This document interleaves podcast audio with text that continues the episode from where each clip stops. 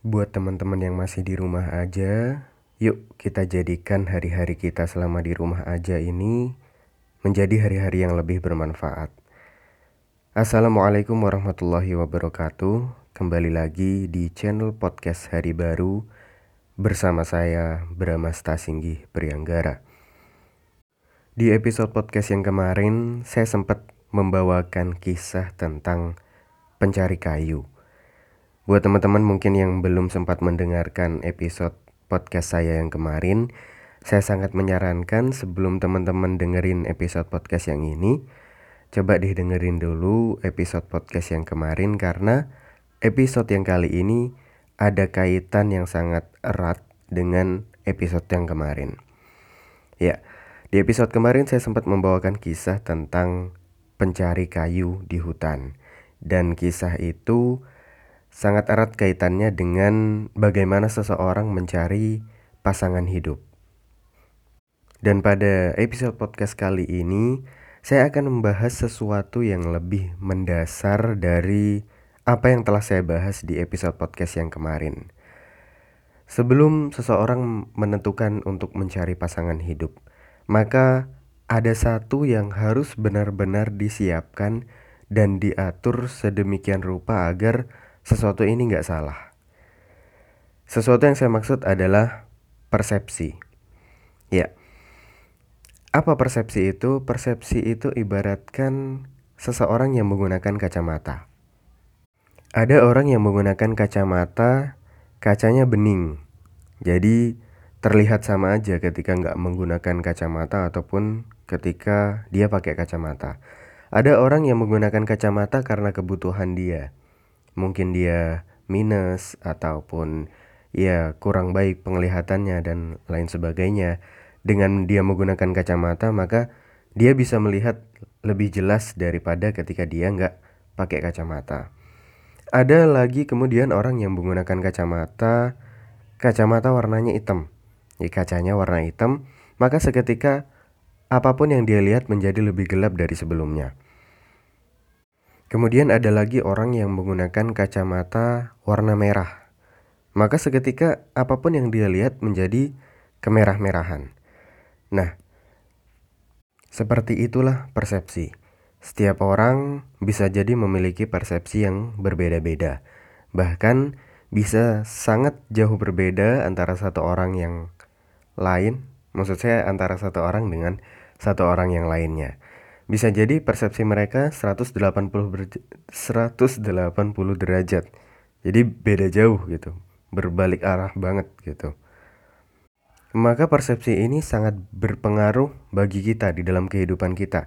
Karena persepsi ini bisa mengubah bagaimana cara orang memandang, bagaimana cara dia memahami, dan bagaimana kondisi perasaan dia itu sangat bergantung dengan yang namanya persepsi ini.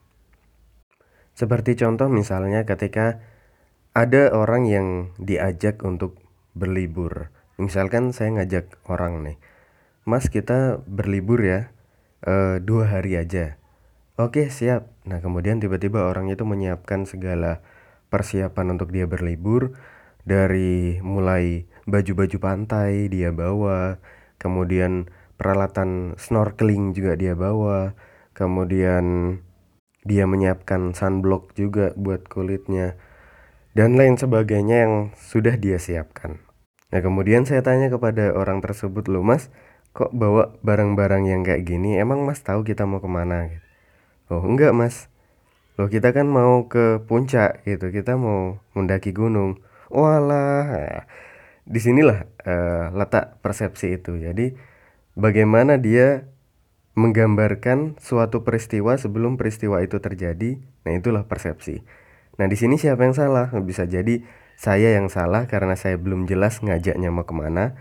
Dan yang lebih salah lagi adalah dia, kenapa dia nggak tanya gitu. Sehingga salah dalam mengambil langkah, salah dalam berpersepsi. Nah, oke. Okay. Sekarang kita balik ke awal pembahasan kita yaitu tentang memilih pasangan untuk kita jadikan pendamping hidup kita. Ya, tentang menikah. Um, persepsi kita tentang pernikahan itu selama ini seperti apa sih? Mungkin banyak orang ya yang memikirkan suatu pernikahan itu adalah hal yang wah gitu. Ya pernikahan yang mungkin mereka tahu seperti yang ada di film-film ataupun seperti ada yang di sinetron-sinetron. Yang pernikahan itu ya mewah sekali gitu. Harus sewa gedung, harus dengan resepsi yang sedemikian rupa harus yang menghabiskan ratusan juta bahkan miliaran. Ya mungkin persepsi kebanyakan orang seperti itu ya. Begitupun saya dulu. Dulu sebelum saya mengenal Islam lebih dalam, ya persepsi saya tentang pernikahan ya seperti kebanyakan orang gitu. Saya dulu uh, memiliki persepsi bahwa hidup ini ya udah saya jalani aja dulu. Saya sekarang sedang sekolah gitu misalkan kemudian ya udah saya jalani aja sekolah kemudian nanti kuliah setelah kuliah kerja setelah kerja sampai mapan nah baru nih saya masuk ke jenjang pernikahan nah jenjang pernikahan ini udahlah itu puncak kebahagiaan saya saya harus benar-benar wah ketika itu karena itu hanya sekali seumur hidup saya kemudian saya dulu berpikir kalau saya menikah nanti ya udah saya harus cari pasangan saya yang benar-benar terbaik pokoknya. Yang paling cantik menurut saya, yang paling pas di hati menurut saya, kemudian yang pokoknya sesuai dengan apa yang saya cita-citakan selama ini. Kemudian masalah pelaksanaan pernikahannya juga saya benar-benar gak mau kalah sama teman-teman saya yang lain. Kalau teman-teman saya sewa gedung yang ini, saya juga harus minimal sama dengan mereka. Atau bahkan kalau bisa lebih gitu lebih wah yang diundang lebih banyak makanannya harus lebih enak dan konsep pernikahannya harus beda dengan yang lain. Ya itu itu persepsi saya dulu. Jujur saya pernah memiliki persepsi seperti itu tapi setelah saya mempelajari Islam lebih dalam lagi akhirnya persepsi saya bisa dikatakan berubah 180 derajat apa yang telah saya dapatkan ketika saya mempelajari Islam lebih dalam ini benar-benar mengubah pola pikir saya bahwa akhirnya saya tahu sekarang bahwa nikah itu bukan tentang kisah romantisme belaka. Nikah itu tentang tanggung jawab yang begitu besarnya. Dan ketika per, uh, ketika pernikahan itu terjadi, maka akan ada beban yang jauh lebih berat ketika sebelum kita menikah. Dan yang jauh lebih penting lagi bagi saya, akhirnya saya tahu bahwa nikah itu adalah sebuah ibadah. Ya mungkin dulu saya sudah tahu ya. Ya, nikah itu ibadah. Cuma di sini saya lebih teryakinkan lagi bahwa ini benar-benar ibadah gitu. Dan ibadah itu bukan seperti apa yang saya inginkan. Karena saya sebagai seorang hamba di sini ibadah bukan apa yang saya suka, bukan suka-sukanya saya gitu. Ya saya suka ibadah yang ini ya udah saya ibadah yang ini gitu. Ya saya sukanya yang model begini ya udah saya ibadah yang ini dengan model yang saya suka. Nggak gitu ternyata. Karena ibadah ini adalah syariat yang sudah diatur sama yang nyiptain kita. Sama Tuhan kita. Maka ibadah yang kita lakukan bukan apa yang kita mau, tapi harus seperti apa yang Tuhan kita mau. Ibaratnya begini, kita sedang bekerja di suatu perusahaan misalkan, kemudian bos kita memerintahkan kita diberi tugas, ada lima tugas di situ. Ya, bos kita berkata bahwa saya ingin tugas yang tiga ini segera kamu selesaikan karena saya butuh hari ini juga. Kemudian tugas yang dua sisanya, silakan kamu kerjakan kalau yang tiga ini sudah kamu kerjakan. Kalau yang dua ini bisa selesai hari ini juga, itu lebih baik. Kalau nggak bisa pun nggak masalah. Yang penting hari ini saya butuh yang tiga ini. Oke, kemudian saya kerjakan. Ya saya kerjakan, ternyata saya kurang suka mengerjakan yang tiga ini. Saya lebih suka mengerjakan yang dua dan saya lebih prefer di situ. Artinya saya lebih ahli untuk mengerjakan yang dua ini daripada yang tiga.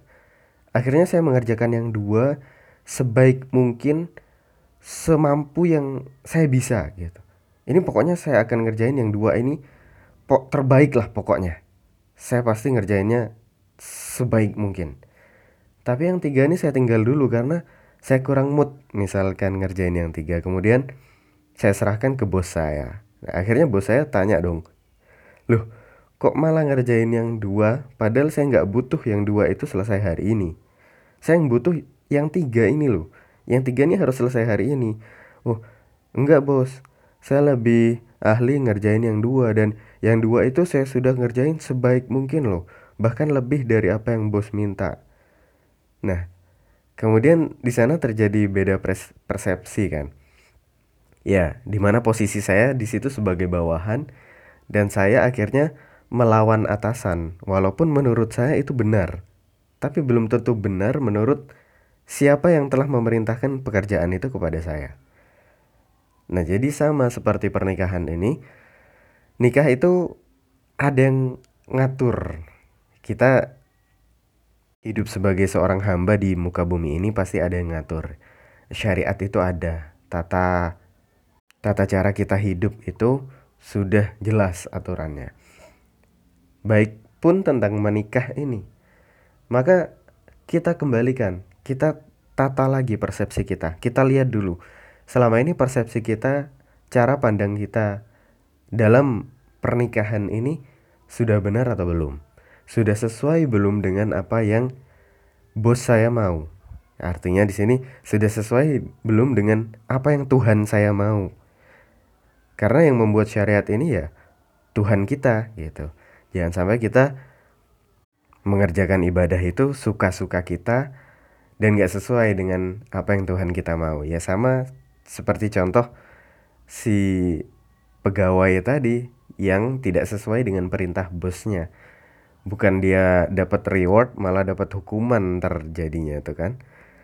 Ya. Ya itu tentang persepsi yang bisa saya sampaikan di episode podcast kali ini. Intinya sebelum kita melangkah menuju jenjang pernikahan yang lebih jauh lagi, sebelum kita mencari pasangan, maka ini kita harus persiapkan dulu. Tentang persepsi ini harus kita cek lagi, kemudian kita perbaiki, kita matangkan, barulah kita boleh melangkah kepada jenjang-jenjang yang berikutnya. Karena ada beberapa orang yang mungkin kesannya terlalu terburu-buru ya dalam mengambil keputusan untuk melangkah ke jenjang pernikahan ini, tapi dia tidak mengimbangi dengan persepsi yang jelas, kemudian rencana-rencana yang matang. Akhirnya pun pernikahan ini menjadi satu hal yang salah di mata orang lain gitu. Padahal ini salah dia sendiri gitu. Ya, ini karena sudah ada kemandang adzan ya. Ini adzan duhur. Saya merekam podcast ini sebelum duhur tadi. Dan ini sekarang sudah waktu duhur. Saya kira itu saja untuk episode podcast kali ini tentang persepsi. Semoga dapat membuka pikiran kita bersama dan semoga ada hal bermanfaat yang dapat teman-teman ambil. Terima kasih sudah mendengarkan episode podcast kali ini. Selamat beraktivitas sampai berjumpa di episode-episode yang berikutnya. Assalamualaikum warahmatullahi wabarakatuh.